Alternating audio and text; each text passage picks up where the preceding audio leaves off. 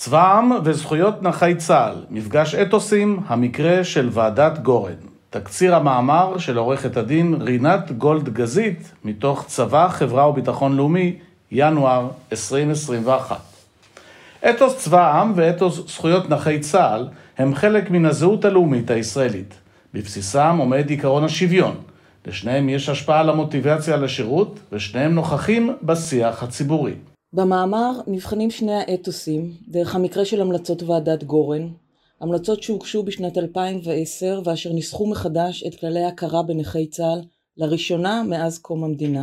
הבחינה הזאת, שכללה בדיקה פרקטית של המלצות הוועדה ושל תיקון החוק בעקבותיהן, העלתה כי המלצות ועדת גורן יוצרות פערים בתגמול החיילים, ולפיכך יוצרות פערים הולכים וגדלים בין האתוסים למציאות.